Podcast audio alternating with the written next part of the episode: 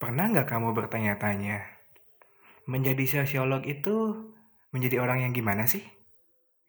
Apa yang membedakan sosiolog dengan yang bukan sosiolog? Mungkin beberapa kalangan mahasiswa akan menjawab, menjadi sosiolog adalah menjadi garda terdepan dalam perlawanan dan pembebasan sosial yang tentunya dengan kerangka berpikir sosiologis.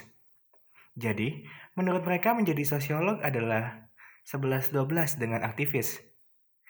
Jawaban itu berbeda jika kamu tanyakan kepada akademisi. Sebagian dari mereka pasti menjawab dengan aman, yaitu menjadi sosiolog itu menjadi apa pun. Jawaban ini memang membebaskan dan cukup luas untuk apa pun. Tapi, di satu sisi ini mengecewakan beberapa orang. Karena sosiologi terlihat seperti ilmu yang tidak jelas dan tidak ada spesialnya kecuali kerangka teoretik yang abstrak dan kritisisme. Sebenarnya, pernyataan itu memang tidak mudah dijawab. Bahkan, oleh seorang sosiolog pun masih diperdebatkan bagaimana sosiolog yang ideal itu. Kenapa? Karena yang disebut sosiologi itu bukan satu. Sosiologi masih diperdebatkan arahnya. Untuk memahami ini, mari kita mulai dengan pertanyaan. Sosiologi itu apa sih?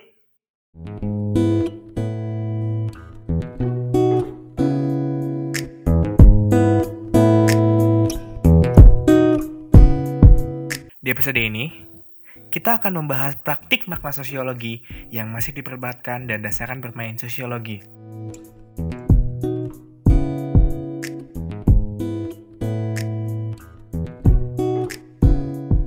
Sosiologi adalah disiplin ilmu yang mempelajari dinamika kehidupan manusia dalam kelompok masyarakat lokal maupun masyarakat dunia.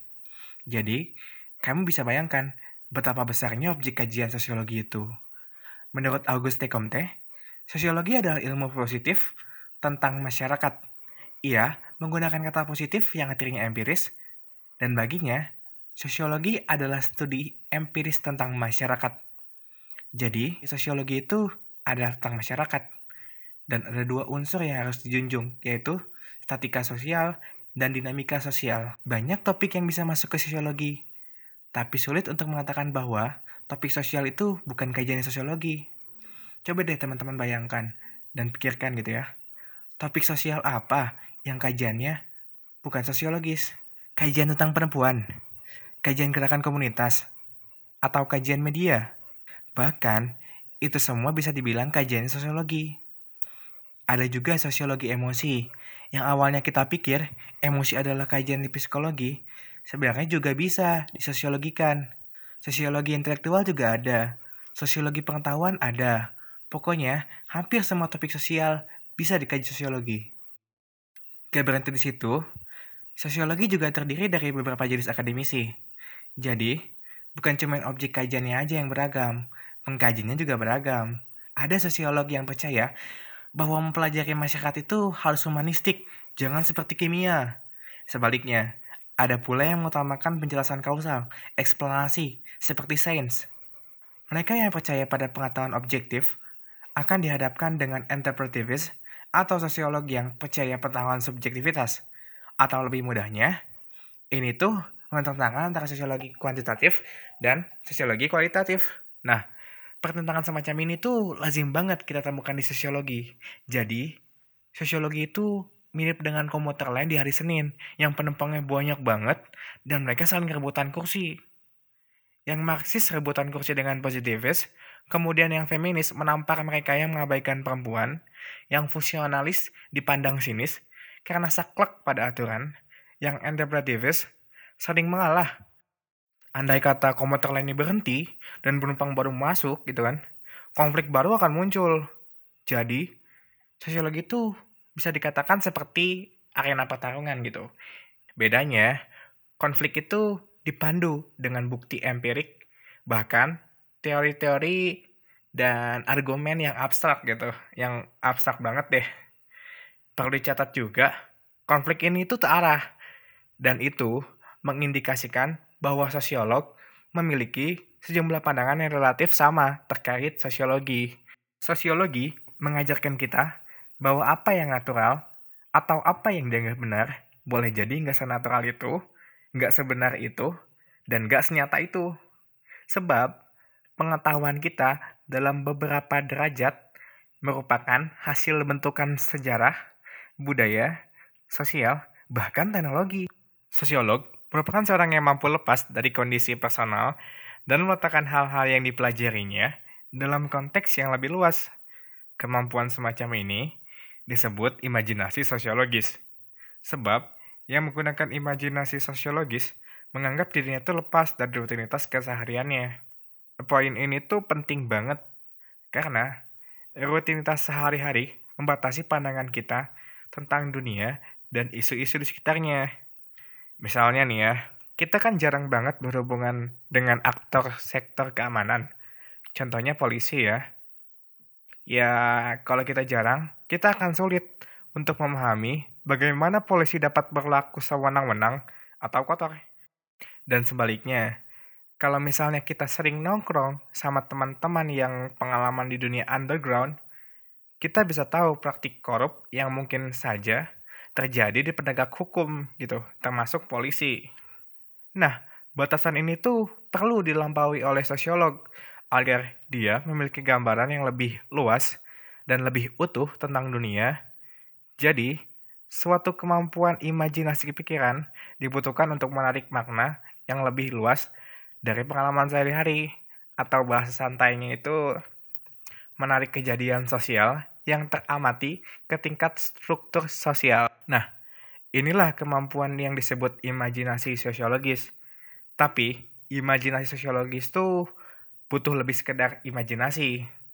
Sosiologi juga butuh bukti empirik. Itulah mengapa penelitian menjadi praktik yang wajib dikuasai oleh semua yang ingin belajar sosiologi gitu. Untuk itu, muncullah sebuah pertanyaan. Bagaimana sih penelitian berperan di sosiologi?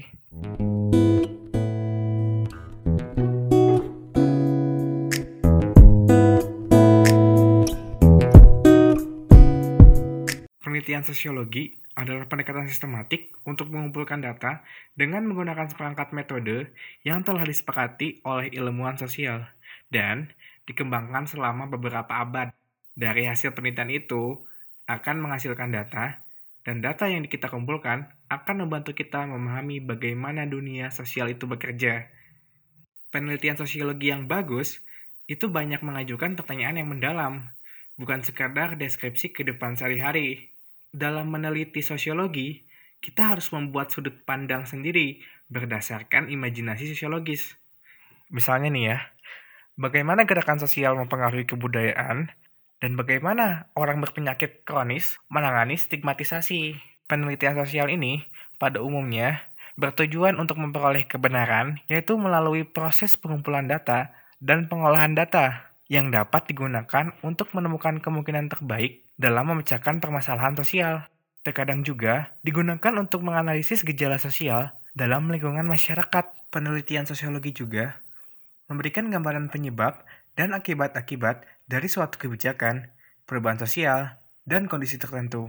Bahkan, memprediksi kemungkinan fenomena sosial yang akan terjadi berdasarkan data yang sedang dihadapi. Ini akan mengatakan kita ke pertanyaan, bagaimana kegunaan sosiologi dalam lingkungan kita?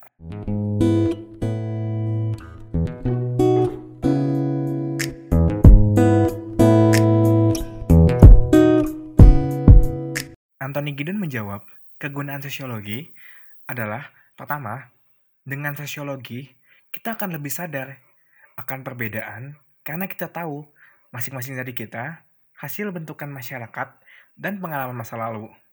Jadi, kita tidak mudah menghakimi penyintas kekerasan seksual hanya karena pakaiannya terbuka. Kita bisa melepaskan diri dari pandangan umum bahwa pemerkosaan itu terjadi diawali dengan pakaian yang terbuka di sisi lain, kita juga tidak mudah menghakimi seorang hanya karena keyakinan dan pemikirannya terkesan konyol gitu. Sebab, kita tahu itu merupakan hasil dari proses sosial yang cukup panjang. Kedua, kita lebih mampu.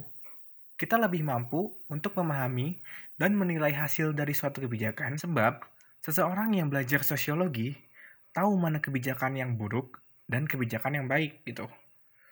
Ketiga, Sosiologi juga mengasah keterampilan kita dalam melihat dan memahami masalah-masalah sektoral gitu. Misalnya, masalah pertikaian budaya, masalah politik kampus, dan seterusnya. Nah, segitu aja pembahasan dasar sosiologi. Ini Senin Santai Sosiologi. Sampai bertemu di waktu selanjutnya.